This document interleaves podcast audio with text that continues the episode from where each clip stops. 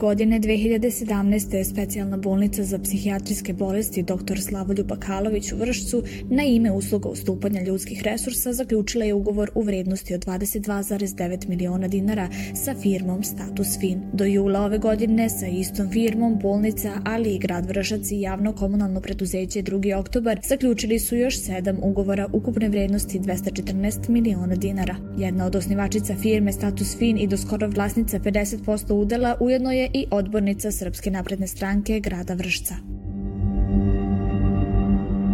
Status FIN osnovale su Snežana Rađenović i Liljana Trinevski u januaru 2008. godine sa delatnošću u oblasti knjigovodstva i poreskog savetovanja. Ovo je ujedno druga firma koju su Rađenović i Trinevski zajedno osnovale jer su u periodu od 2000. do 2011. godine vodile ortačku radnju za ručnovodstvene poslove Panakomp u Vršcu. Danas, kako stoji na sajtu APR-a, status FIN se nalazi na adresi Cara Uroša 31 u Beogradu, a zastupnica i jedina vlasnica je Ljiljana Trenevski.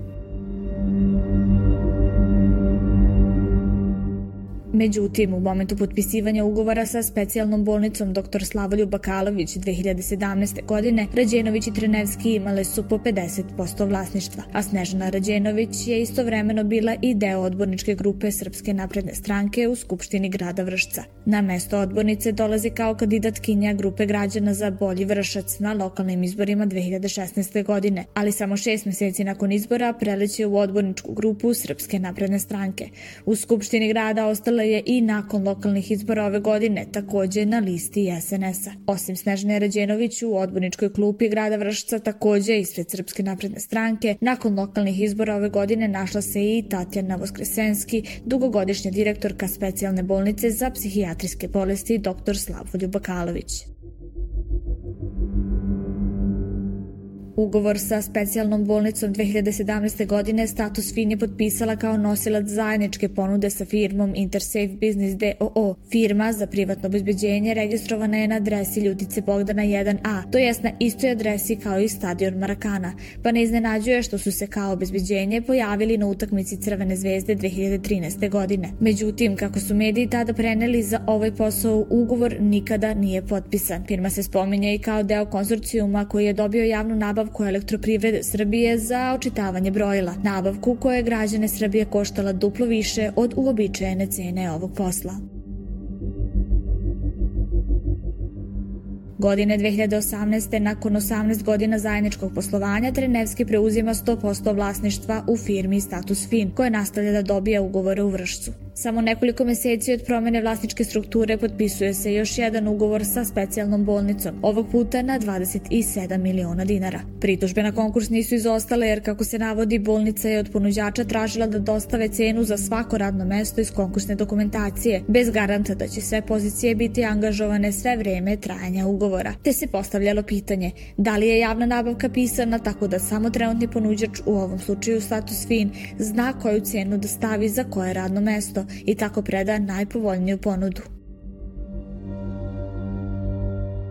Godinu dana kasnije Status Fin sklopila je ugovor sa javnim komunalnim preduzećem 2. oktobar na ime usluge angažovanja ljudskih resursa i kadrova. Vrednost ugovora bila je 80 miliona dinara, a ovaj, kao i još tri konkursa koje je Status Fin dobila, okončan je bez drugih ponuda. U vreme potpisivanja ugovora direktor javnog komunalnog preduzeća 2. oktobar Nebojša Perić kao jedini kandidat izglasan je na mesto predsednika Komisije za zaštitu konkurencije. Iste 2019. godine potpisana su još dva ugovora sa gradom u vrednosti od 13,7 miliona, ali sada već tradicionalno i sa specijalnom bolnicom u vrednosti od 20,3 miliona dinara. Finansijski forenzičar i ekonomista Miloš Katić ukazuje da ovakve veze između politike i dodele budžetskih sredstava nisu izolovani slučajevi. Vojvođansko istraživački i analitički centar u poslednjih pet godina intenzivno e, prati javne nabavke u Vojvodini i primetili smo da ovo postaje određeni e, čak model e, prilikom dodjela ugovora o javnim e, nabavkama. Ono što je činjenica jeste da i, ipak i institucije reaguju. Jedna od tih je državna revizorska institucija gde kada se pročitaju njihovi izveštaji može se primeti da se konstantno uočavaju nepravilnosti u postupcima, u postupcima javnih nabavki pored ove institucije, Agencija za borbu protiv korupcije u nekoliko slučajeva e, donosila rešenja o preporukama za razrešenje e, lokalnih e, funkcionera. Katić dodaje i da uprkos radu Državne revizorske institucije i Agencije za borbu protiv korupcije slučajevi redko dobiju epilog koji je u interesu građana. Sa jedne strane, rešenja o preporukama za razrešenje lokalnih funkcionera koje završavaju na lokalnim skupštinama bivaju odbijena od strane lokalnih odbornika. Na taj način pokazuju podršku predsjednicima opština ili drugim javnim službenicima koji su bili predmet tog rešenja. Sa druge strane, predmeti agencija koje završe pred višim javnim tužilaštvom završavaju novčanim novčanim kaznama koje su nesrazmerno male u odnosu na štetu koja je naneta budžetu,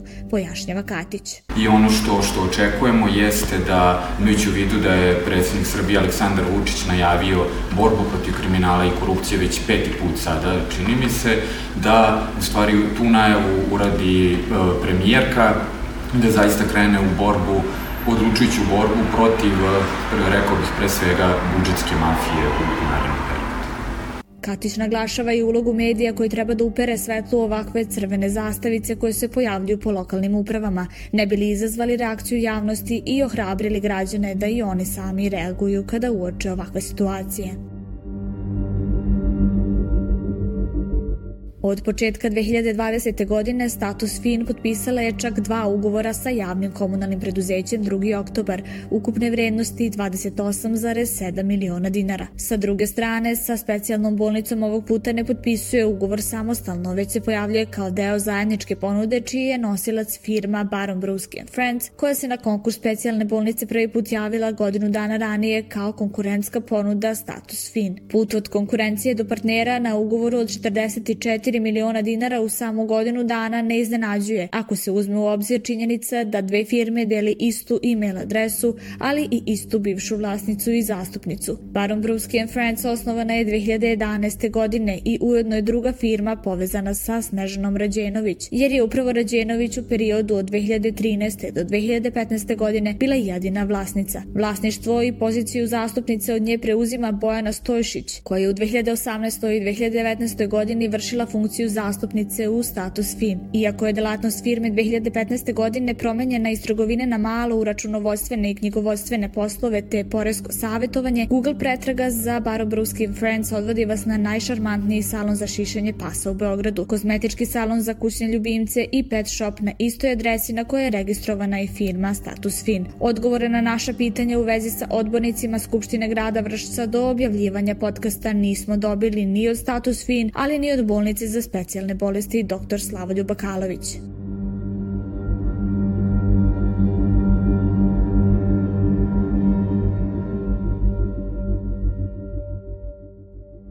Ovaj projekat podržava Fond za otpornost globalne inicijative protiv transnacionalnog organizovanog kriminala. Sva mišljenja ili stavovi izraženi u projektu odgovornost su organizatora projekta i nisu nužno mišljenja ili stavovi globalne inicijative.